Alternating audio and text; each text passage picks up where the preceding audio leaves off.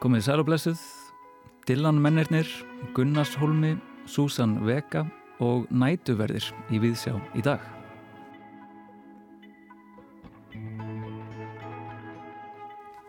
Í þætti dagsins ræðum við við tónskáldið Þórð Magnússon en tónverk hans við ljóðið Gunnars Holma eftir Jónas Hallgrímsson sem að kemur út í hljóðriti frá Smekkleysu. Verki var uppaflega frumflutt á listaháttíð Reykjavík fyrir allmörgum árum en kemur nú út í flutningi Ingi-Bjargar Guðjónsdóttur Sóbransöngkunu og tríósins Síra Jón sem er skipað þeim Einari Jóhannesinni á klarinett, Laufeyju Siguradóttur á fyllu og önnu áslögu Ragnarsdóttur á píjánu. Við ræðum Gunnarsholma og tónsköpun í þætti dagsins. Hlustendur heyra einni af nýri Pulitzer velunabók The Night Watchman eftir Louis Erdrich en velunin voru afhenda á sérstökum fjár viðburði síðasta förstudag. Bókin er sögð veita afar dýrmæta insýn inn í líf frumbyggja í bandaríkunum um meðja síðustu öld ásamt því að koma upp um kerfisbundið ofbeldi samfélagsins í garð þeirra. Og Arljótur Sigursson, okkar maður í tónlistinni, tekur fyrir lagið Tom Steiner með Susan Vega í tónlistarhorninu Heyrandi nær í dag.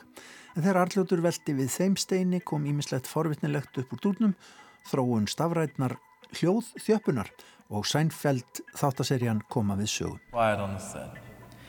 En við byrjum á Bob Dylan. CO 85275 Subterranean Homesick Blues number 10 take 1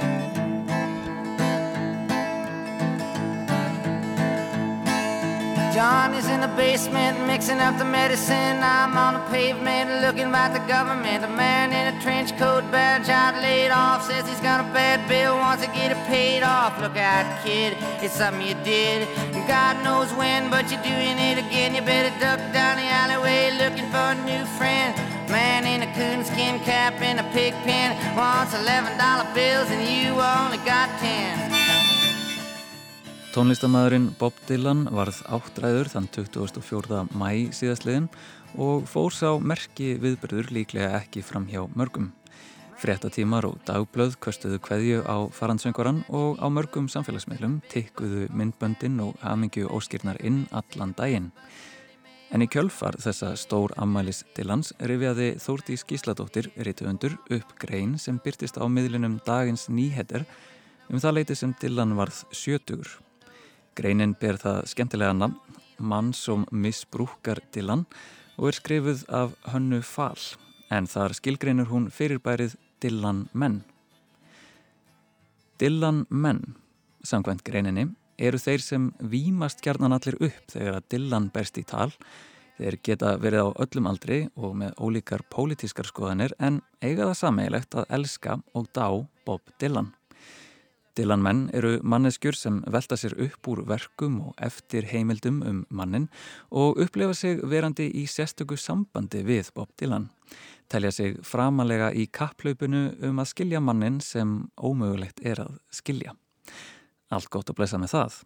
En Samkvæmt grein Hönnufall virðast Dylan menninir eins og er ekkit sérstaklega áhuga samir um samræður um Bob Dylan sín á milli og dragast frekar að því að pretika þekkingu sína um tónlistamannin yfir aðra sem hafa ekki kynnt sér Dylan í þaula og nota þannig þekkingu sína sem valdatæki í samskiptum.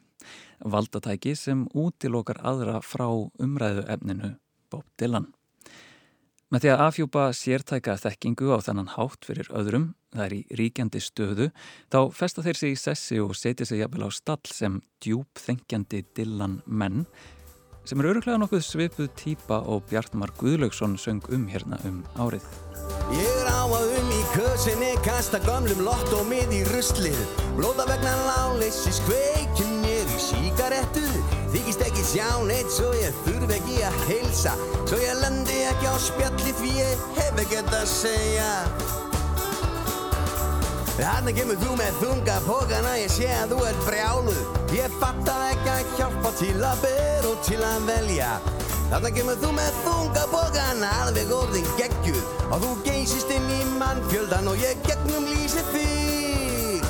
Hörðu, ert ekki alltaf bissi krissi Fyrir djúpfengjandi dillan eins og mig? Já, ert ekki alltaf bissi krissi fyrir djúpþengjandi dillan eins og mig. Þegar ég las blokkfæslu Þórtísar um Dylan mennina leið mér eins og hún og Hanna Fahl hefðu komið upp um mig, afhjúpað mig, séð í gegnum mig. Ég hef hlustað á Bob Dylan af áfergju í gegnum árin, ég hef talið með eiga í sérstöku sambandi við laugin hans, ég hef kafað allt of langt ofan í textan hans svo langt að ég let tatúera tvö orð úr þeim á skinnið mitt og já, ég hef notað þekkingum mína sem valdatæki í samskiptum við aðra, hef útilokað fólk úr samræðum með Dylan, hef predikað yfir öðrum með Dylan. Afsakið. Ég vil trúa því að ég sé í bata, en út frá þeirri insýn sem ég hef sem Dylan maður, eða allavega wannabe Dylan maður, þá tel ég mig vita hvaðan þessi pretikunar löngun yfir öðrum kemur. Sem Dylan aðdáðandi hef ég einmitt alltaf verið örlítið smeykur við að tala við aðra Dylan áhuga menn. Það er eins og eitthvað svikara heilkinni beri á sér þegar að annar Dylan maður er viðstatur og Dylan berst í tal. Það er einhver ótti við að hinn Dylan maðurinn sé sjóaðri í Dylan fræðum en ég sjálfur og muni koma upp um fáfræði mína á Dylan að þekking mín á góðinu haldi ekki vatni í samræðum, leki út og jafnvel fyrir allra augum. Og fyrir þessum óta eru góðar og gildar ástæður að ég tel. Samtal um Bob Dylan getur því miður mjög auðveldlega þróast frá gagkvæmri samræðu yfir í eitthvað skonar þekkingar keppni. Keppni sem hver einasti Dylan maður hefur einhver tíman tapað í og þekkir sárin. Hér eru tvö persónuleg dæmi.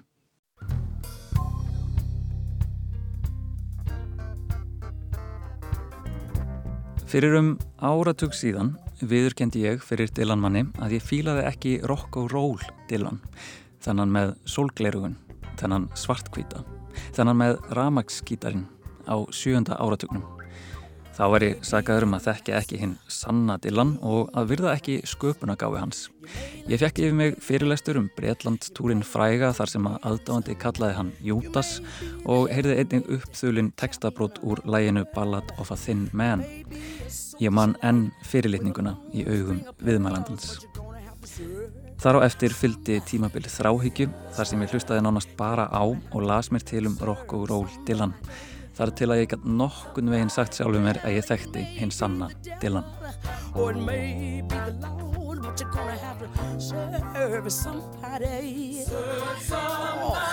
Stuttu síðar, svona nokkrum árum, afhjúpaði ég vanþekkingu mína á trúaða Dylan. Þessum með kvítklættu bakrata söngkonunum, þessum í leðujakkanum með neft niður á bringu, þessum með floknu tónlistar útsendingarnar á áttunda áraturnum og eins og áður fekk ég yfir mig staðreinda gusuna var talið trúum að það veri nöðsynlegt að kafa ofan í kristnu plöturnar til að átta sig almenlega á þeirri tónlistalögu dýft sem Dylan er færum. Fyrirlitning, tapsærindi og þar á eftir fyldi auðvitað tímabil þar sem ég harkaði mig í gegnum kristnu plöturnar Slow Train Coming, Saved og Shot of Love þar til að ég gæti sagt sjálfuð mér í hálfum hljóðum að ég þekkti hins sanna Dylan.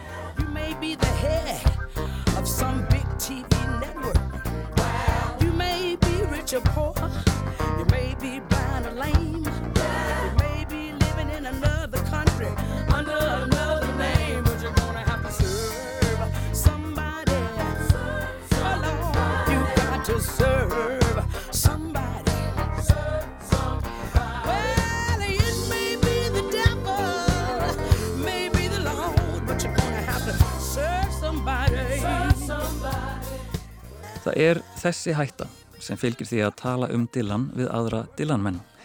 Þeir geta fundið hólur í þekkingunni eða snúið á skoðanir og það getur gert Dylan-menn óuruga innan um hvern annan. Þar af leiðandi getur það verið frelsandi fyrir Dylan-menn að fá útrás fyrir viskuna með því að tala við eitthvað sem hefur lítið spáði í Bob Dylan. Þar er engin hætta heldur aðeins einhvers konar meðmælanda hlutverk sem getur þó orðið einókunar tól eða valdatæki í samræðu. Þetta er samræðu línan sem Dylan menn þurfa að passa sig á.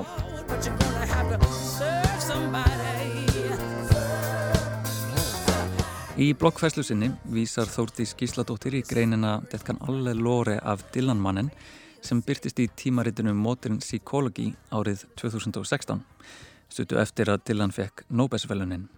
Þar er rætt við Fredrik Egefur, sagfræðing, en hann lýsir sér sem Dylan manni í bata og síðan er líka rætt við sálfræðingin Daniel Friedman en Daniel leggur áherslu á að Dylan menn þurfi einmitt að passa upp á kvatan og vakta sjálfa sig á línu samræðu og einræðu þegar talaði erum Bob Dylan. Hann bendur einning á að tónlistamæðurinn Leonard Cohen hendi betur fyrir slíka aðdáðunda þráhyggju vegna þess að lög hans hafi samtalslegan tón og örfi því frekar samtal heldur en eintal. Cohen er einmitt duglegur að yrkja í annari personu og fyrstu personu fleirtölu. Susann leiðir þig niður að ánni og fyrst tökum við Manhattan, svo Berlín, til að taka allt og fá dæmi. Lög Bob Dylans eru hins vegar oftar sett upp sem eintal og eru því sjálf hverfari. Það er ég sem ætla ekki að vinna lengur á búinu hans makka frænda.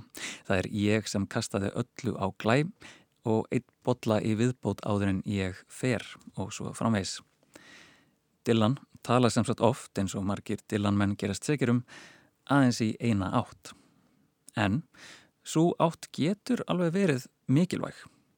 Í greininni viðurkennir Fredrik Ekefur, sagfræðingurinn, að hafa oft gripið til Dylans þegar hann hefur þurft að tjá eitthvað sem honum likur á hjarta. Hann hefur vísað í textabrót eða ummæli eftir tónlistamannin þegar hann finnst Dylan hreinlega ná betur utanum það sem hann, Fredrik, vill tjá. Því þráttur að textar Dylans komið sumir fram sem eintal eða veriðist sjálfkverfir, þá eru þeir líka hluti af sammannlegri sjálfskoðun og geta einmitt náð vel utanum einhver innri hrif sem erfitt er að lýsa. En þar liggur öruglega aðal hættan. Bob Dylan er að skoða sjálfan sig og miðla þeim heimi sem ber fyrir hans augu en við sem Dylan-menn hlustum okkur og lesum inn í þann heim og finnum þar lýsingar á einhverju sem okkur liggur á hjarta. Og því gröfum við lengra og lengra inn í þennan heim. Viljum skilja betur manneskuna sem virðist skilja. Okkur, heiminn, sjálfa sig. En því lengra sem við gröfum, því oftar byrjum við að grípa til Dylan spekinar til að útskýra sjálf okkur og heiminn. Við verðum gangna síninni að bráð, sjáum veröldina aðeins í gegnum einn glerugu, solglerugu Bob Dylans. Við byrjum að tala oftar og oftar um Dylan og þannig útilokku við fólk, kannski óvart, kannski gaggjert úr samræðum. Við viðhöldum þekkingakefninni um goðið og ræktum óöryggi meðal annara áhuga manna. when you're lost in Juarez and it's Easter time too and your gravity fails and negativity don't pull you through don't put on any airs when you're down on Rue Morgue Avenue They've got some hungry women there, and man, they'll really make a mess out of you.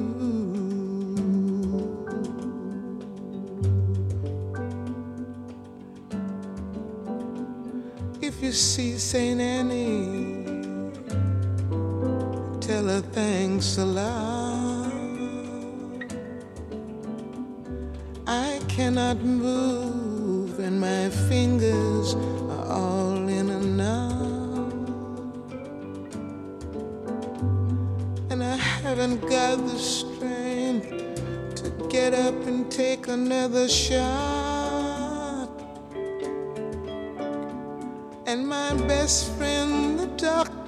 Won't even say what it is I've got.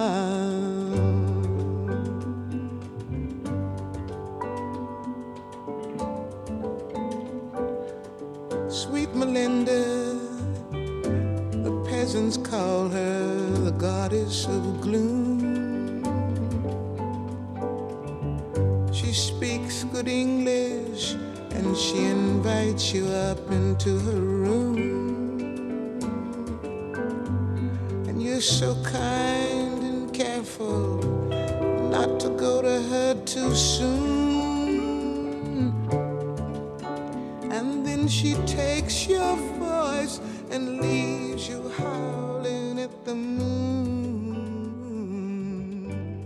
Bob Dylan-lægið Just Like Tom Thumb's Blues í flutningi Nínu Simone en næstur á mælundaskrá hjá okkur er Arljótur Sigursson með tónlistarhornið Heyrandi nær en með honum í för er önnur góð kona.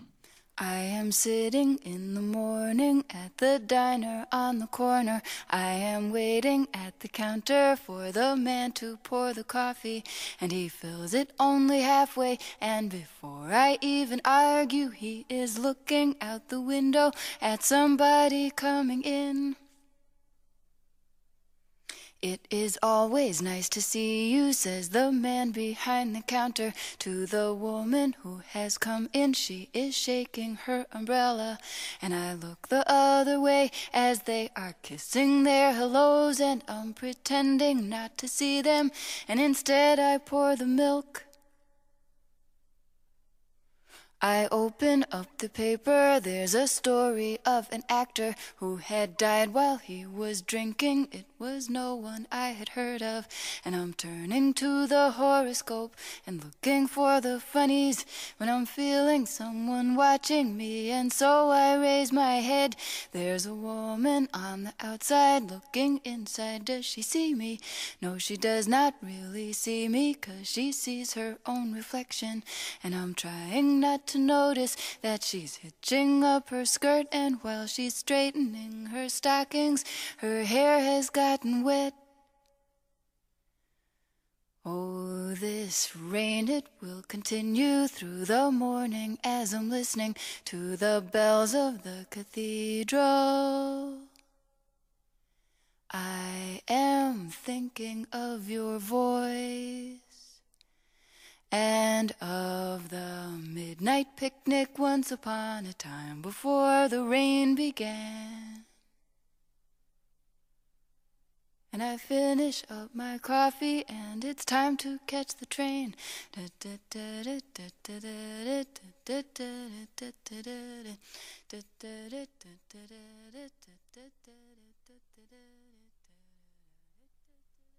Hér herðum við lag Susan Vega, Tom Steiner sem kom út á plötunni Solitude Standing 1987.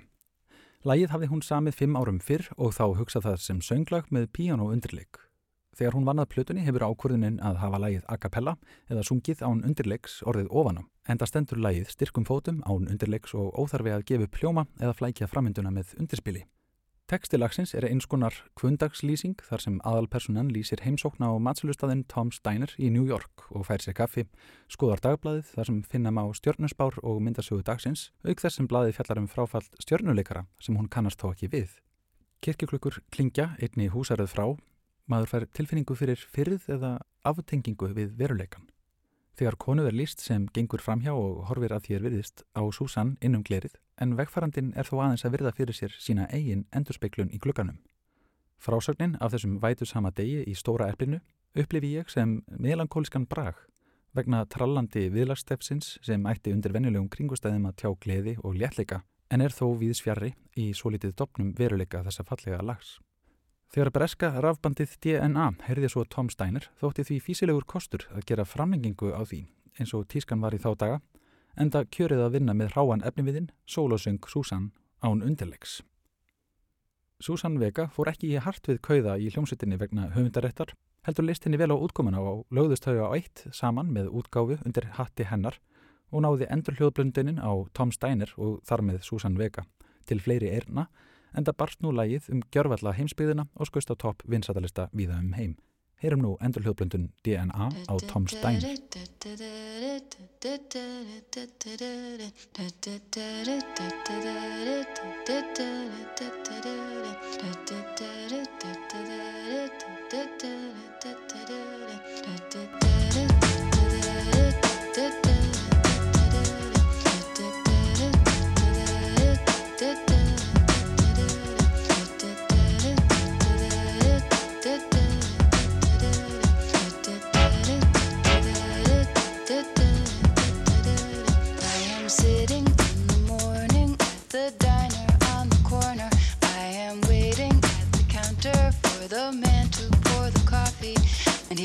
the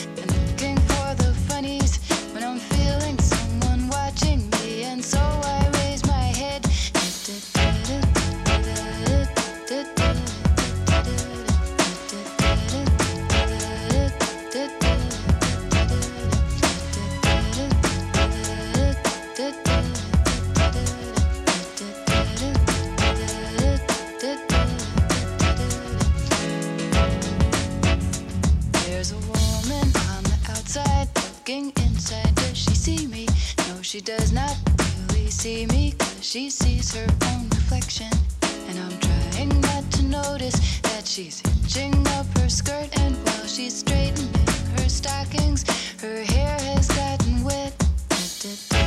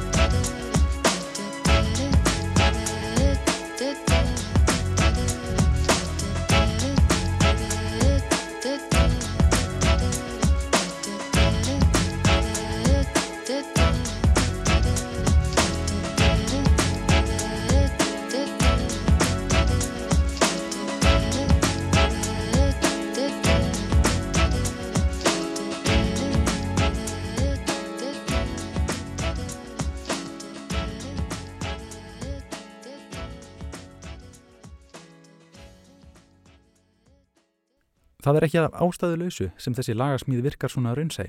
Tom's Diner er alvöru staður í New York sem Susan heimsótti reglulega.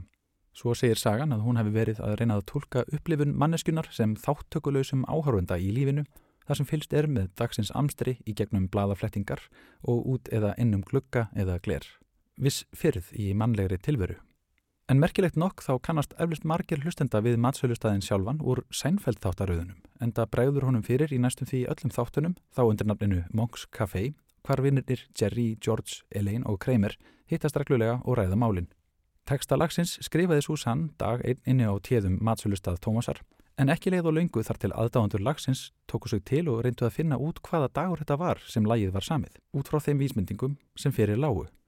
Tvö blöð í New York voru með bæði myndasögur og stjörnusbá og þegar veðurlýsingin var tekin með í reikningin var bara eftir að fletta báðum dagblöðunum sem gefin voru út rúmlega fimm árum fyrr. Síðasta vísmyndingin og ekki sísta var svo fréttin um fráfall fræga leikarans og viti menn það kom á daginn að leikarinn var þá sjálfur William Holden. Dagur lagasmíðarinnar var fundin 16. november 1981. Annað forvitinlegt varandi þennan blessaða söng Susann Vega var að þegar Karl Heinz nokkur Brandenburg var að þróa hérna viðfrægu stafrænu tónlistarþjöppun MP3 sem flestir þekkja, þá var hann að prófa ímsar aðferðir í forrituninni til að minka stærð hljóðskalana sem þó skiluðu sér í mismiklu tapi á hljómgeðum tónlistarinnar. Allt var það eftir því hvers eðlis hún var. Þegar hljóðið fól í sér heila hljómsveit á miklu trökki skilaði hljóðþjöppunin sér almennt vel þó svo alltaf hlaust af því hljómskaði. En á hinbógin, þegar um var að ræða svona skýran söng án undirleiks, var yfirleitt mun meira áberandi munur á hljómgæðunum fyrir og eftir þjöppun og mun hann hafa notast við tærurött Susan Vega til viðmiðunar í þróun þessarar umdeldu hljóðþjöppunar aðferð MP3. Þá að þriðju útgáfu Tom's Diner sem mætti kannski staðfæra sem Kaffi Tomsen yfir á íslenskan veruleika. Úr mörgu var að velja en það hafa fjölmarkir leikið sér með lagstúf hennar þar á meðal Giorgio Moroder í samstarfi við Britney Spears, merkilegt nokk. Að lokum er það þá hinn egipska Simone með útgáfu sína sem kallast Mabsuta sem varð fyrir valinu. Spurning hvað tekstin fjallar um í þetta skiptið. Herundin er þakkar hlust, góðar stundir.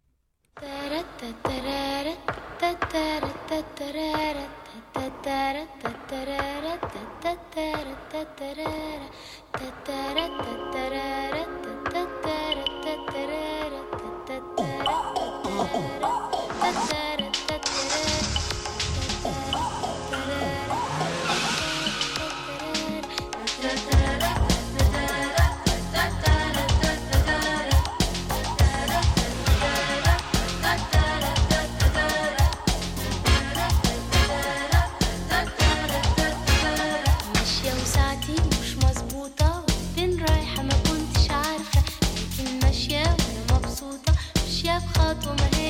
هيش خايفة ماشية وساعتي مش مظبوطة. وفين رايحة ما كنتش عارفة لكن ماشية وأنا مبسوطة. ماشية بخطوة ما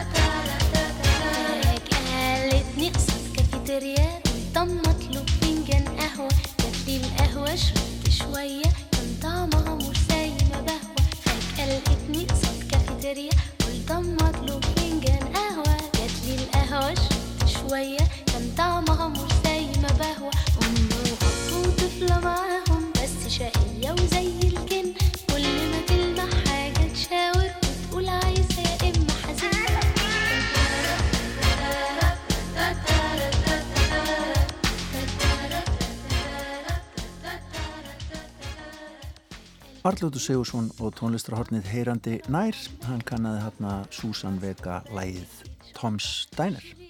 En þá hefur í bókmyndirnar.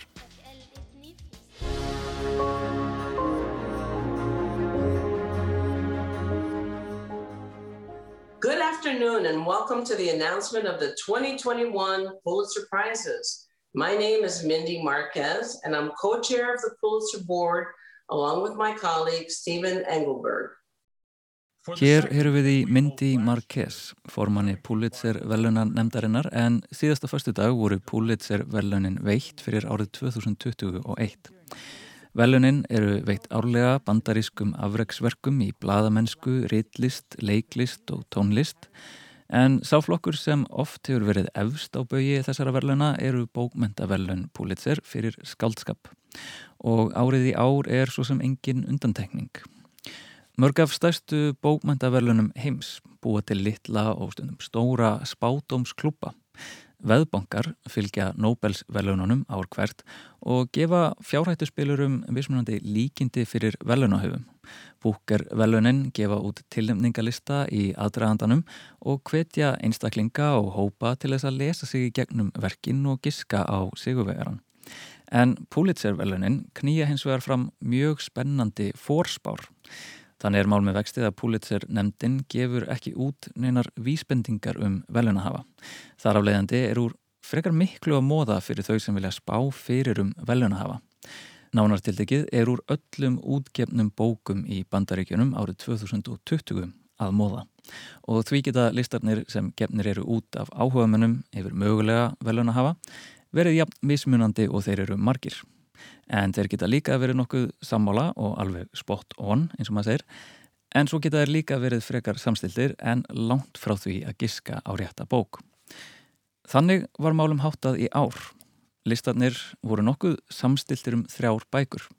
Flestir spáðu bókinni The Vanishing Half eftir Britt Bennett sigri eða Deacon King Kong eftir James McBride En síðan var bókin Homeland Elegies eftir Ayat Akhtar einnig talin sigurstrángleg.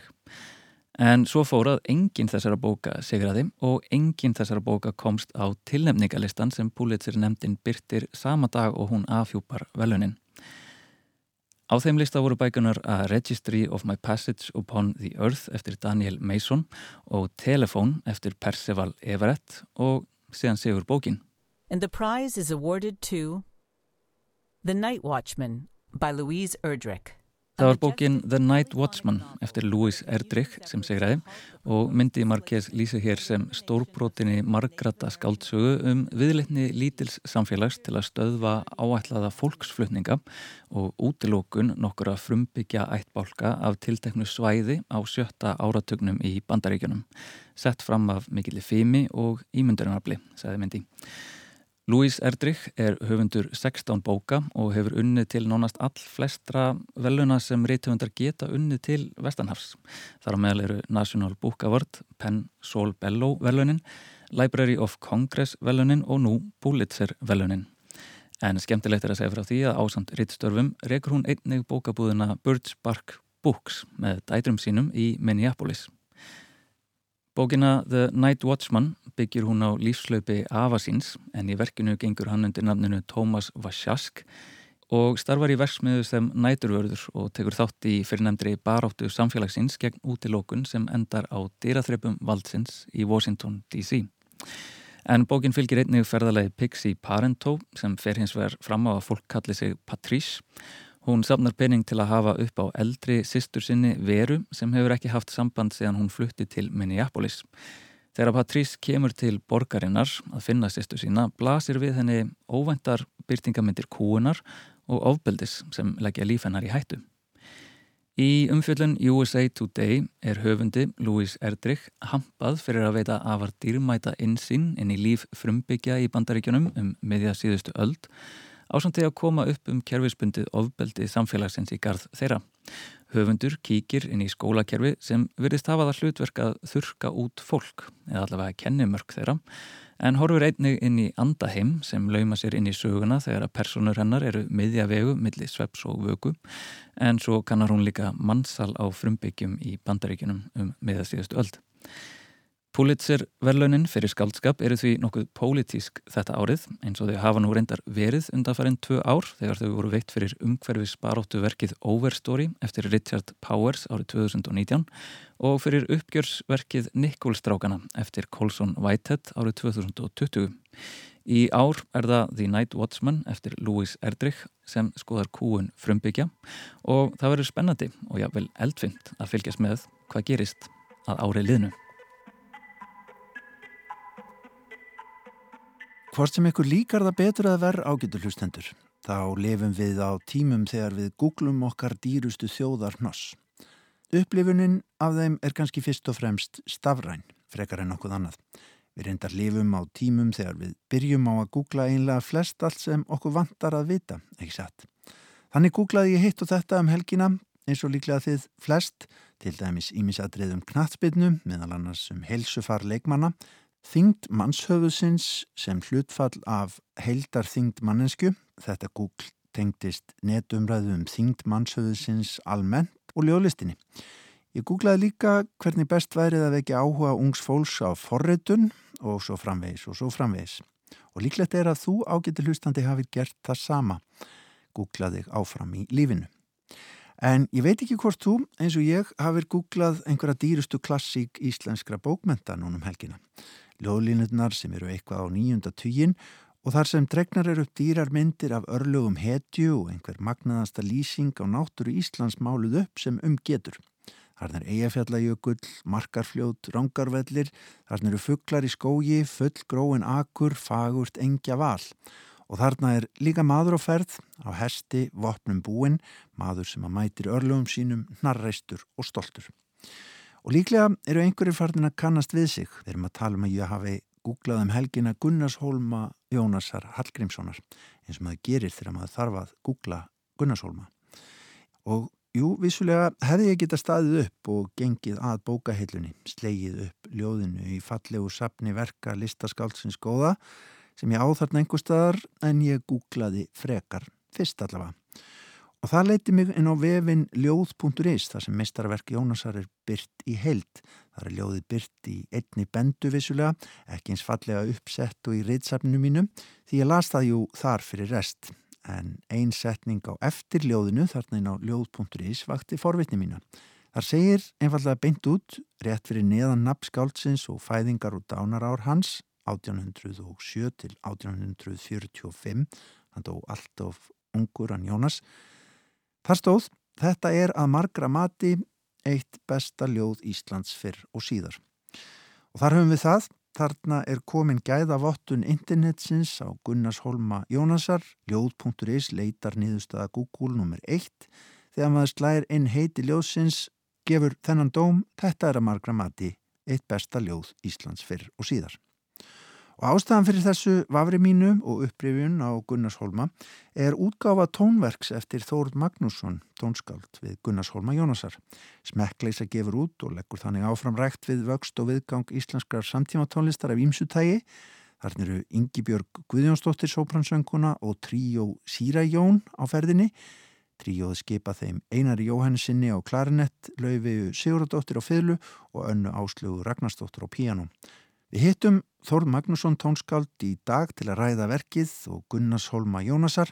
Leiðin liggur í hlílegt hús í Þingkoltunum sem að Þórður hefur gert upp af miklu listfengi fyrir fjölskyldu sína. En hér eru fyrst fyrstu línur verksins í meðförum Þórðar.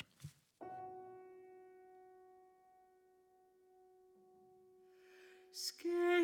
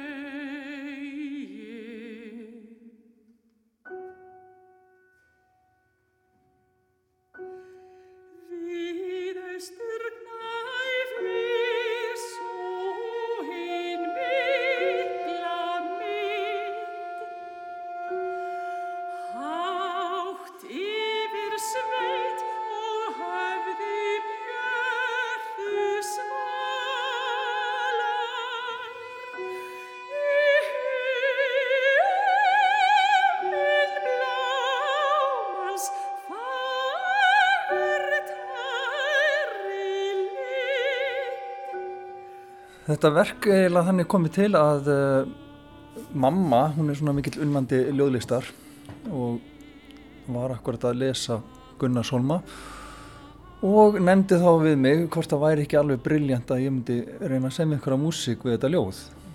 Og ég svona var með það á bakvið eirað í svolítinn tíma uh, og síðan kemur nefnilega Einar Jóhannesson klarnöndileikari að málu við mig og er að falast eftir verki fyrir uh, tríó sem hann er með með áslögu og laugu Sigurdar og eftir einhverja smá umhúsun þá bara dætt mér í huga að blanda þessu saman og gera sérstaklega músík við þetta ljóð eins og mamma hefði beðið mig um og, og nota þetta tríó.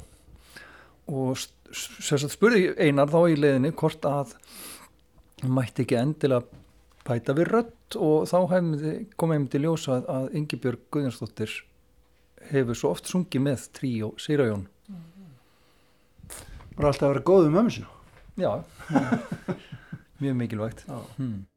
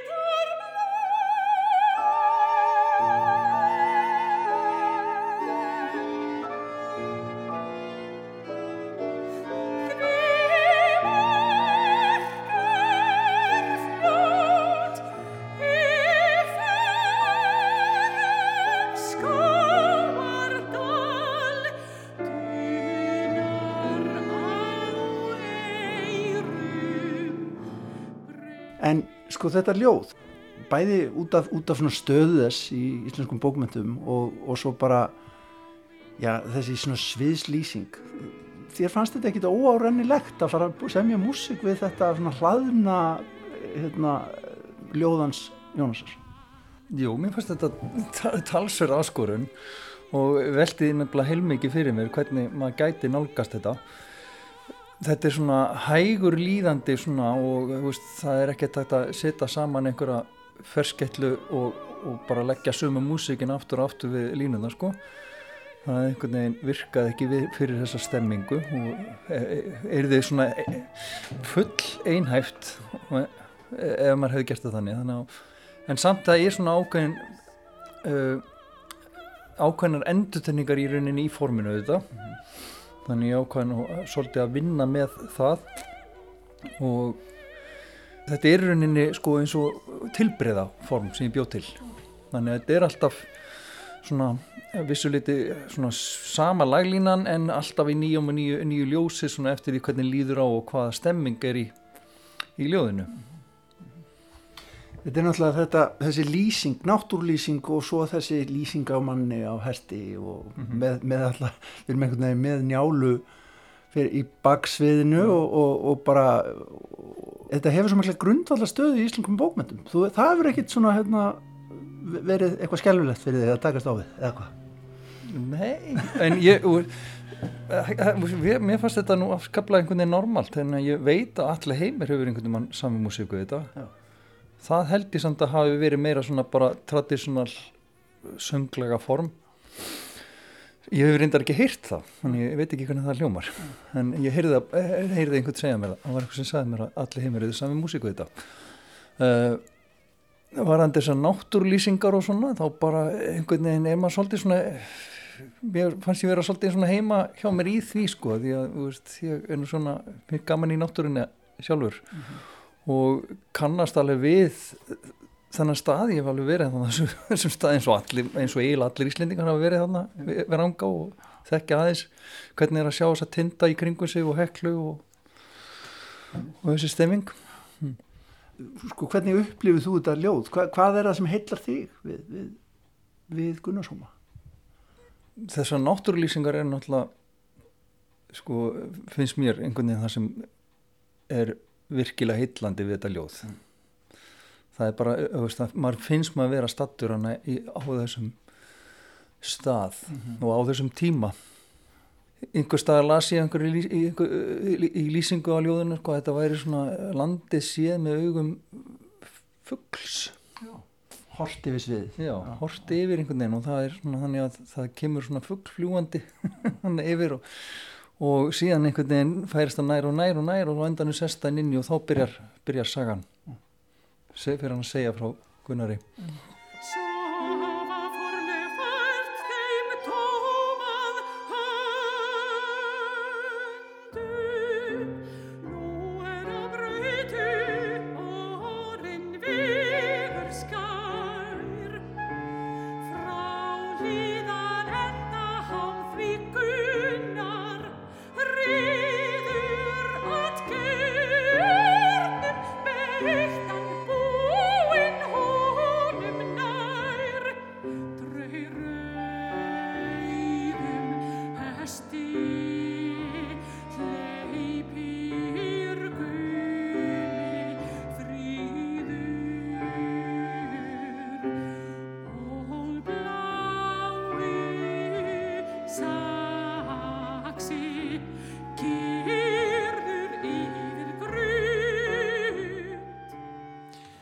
Æfisögusinni um Jónas Hallgrímsson frá 1999 fjallar Pál Valsson vitanlega um Gunnarsholma, rekur pólitíst samhengi ljósins þar sem bænaskrá til konungs um endurreysn alþingis blandast inn í málinn og segir síðan eðlans Sjálfur hveður Jónas skýrt upp úr með tilefni hvæðisins í stuttri rítgerð á undan hvæðinu sem byrtist í fjörðahefti fjölnis árið 1838.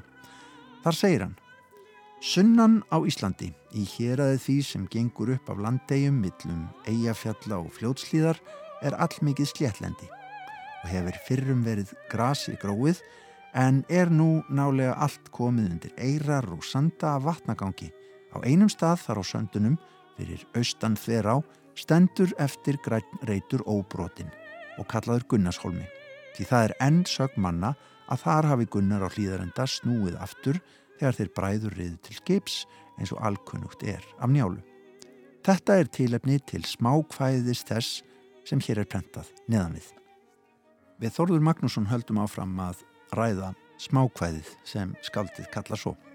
Þetta er sem orð, orð í svona bragarætti sem er kannski ekkit mjög algengur á Íslandi og var ekkit algengur, hann tók er upp bragarhátt frá miðöldum, Evróskan og vill til að að hennar Dante skrifaði til dæmis í þessu fyrir hlutin á ljóðinni er sérsett í svo kallu tersínu formi það sem er alltaf þrjár og þrjár línur en í íslensku útgáfinu þá náttúrulega var þann að setja stula höfustöðu þannig að þeir samt halda sig í fjörulína forminu ah, ah.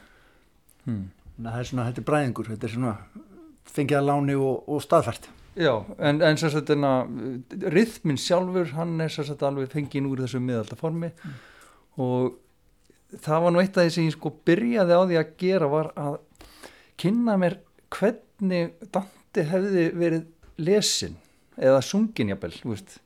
Af því að það voru ákveðna reglu með það hvernig átt að bera fram og fara með svona ljóð með varandi hrein og þannig að ég í rauninni hrinsetti, byrjaði að hrinsetja Gunnarsvarum bara samkvæmt svona gömlum latínufræðum. Ah, menn vita hvað hrinur fylgdi og það eru bara reglur um það sko, hvernig, hvaða, hvers konar atkvæði tekur með sig hversu langt uh, hversu langan tón. Þannig að þetta skiptist á uh, langir og stutti tónar. Ah. og svo náttúrulega þagnir á milli hending og svona. Ah. Þetta hefur áhrif á tónsmíðina hjá þér Já, ég setti þetta svona, þennan rithma setti ég, setti ég inn svona, veist, samt mjög frálslega en hann kemur í síðasta gablenum, þá erum við reyndar komin í annað form sem heitir Octavia. En uh, þá nota ég þennan hrein bara alveg eins og hann kemur af kunni. En í verkunni Þorður, hefur þú í gegnum árin tekist mikið á við bókmyndir, íslenska bókmyndir ég veit að þú hefur náttúrulega verið að sem er löfið við hérna texta pappaðins og, og útsetja þau auðvitað, mm -hmm. þín sem eru auðvitað bókmyndir en, en svona annað.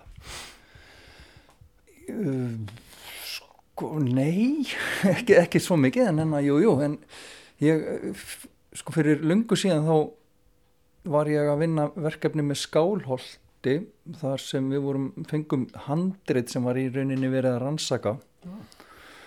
Með bæði þá sálmalögum sem höfðu í rauninni bara glemst en voru samt höfðu verið yfguð eða voru til og einhverjum gamlum handritum og þar fengum við alls konar fína texta og ég hef svolítið unni með uh, með þess, þessi sálmalög. En ég gerði sagt, til dæmis og ég svo eða blómi það var unnið upp úr þessu handriti og þá með texta eftir Stefán Ólason En Jónas hann er náttúrulega með sérstakar stöðu í, í hérna hjá okkur og ég var einmitt að fletta þarna upp á eins og maður gerir þegar hérna, um helgina ég var að hugsa mér á, ég var að hitta Þóruð og ég googla bara einfallega Gunnarsholmi og þá kemur upp ljóð.is og, og það er einn lína fyrir neðan ljóðu sem, þar sem stendur margir telja þetta sem besta ljóð í íslenskast tungu Já, en sko, þarf vandilega að velja það besta, veist, þarf að vera eitthvað eitt sem er best, betur heldur en eitthvað allt annað. Ég sé, hef aldrei séð list einhvern veginn þannig. Hmm. En það er gott? Ha, það er gott, það er æðislegt, það er allavega í topp 5.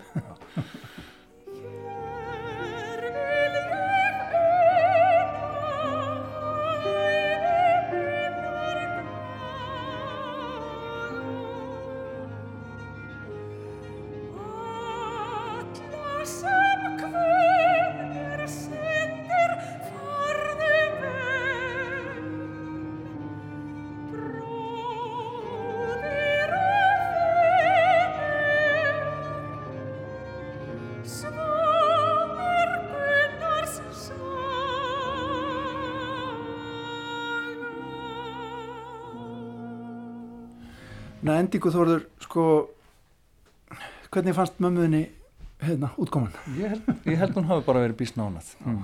þetta var frum, sem sagt já það verðum ekkert komið að því þetta var sem sagt frumflutt á listahotti því Reykjavík og í Hannesarholti mm.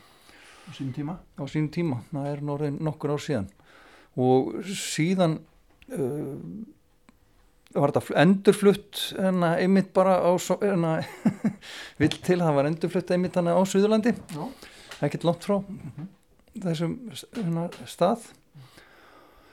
Og uh, þá var ákveðið í leiði að, að taka þetta bara upp og ég leiði húsnaði eða fekk, fekk afnót að tónlistaskóla Garðabæðir sem er með mjög góðan sall mm.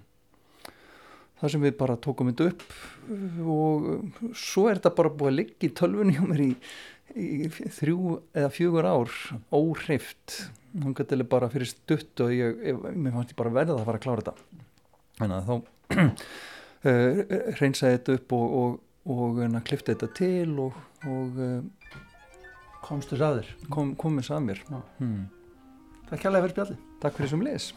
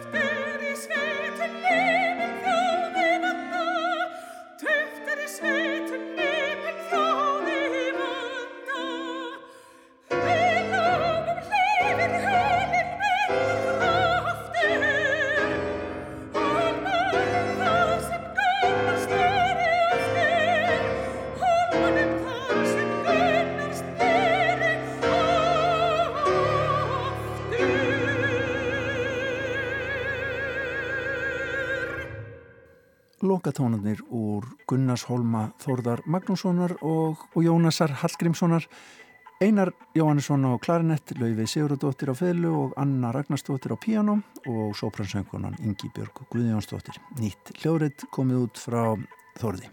En svona líkur við sjá í dag ágættilustendur veriði sæl.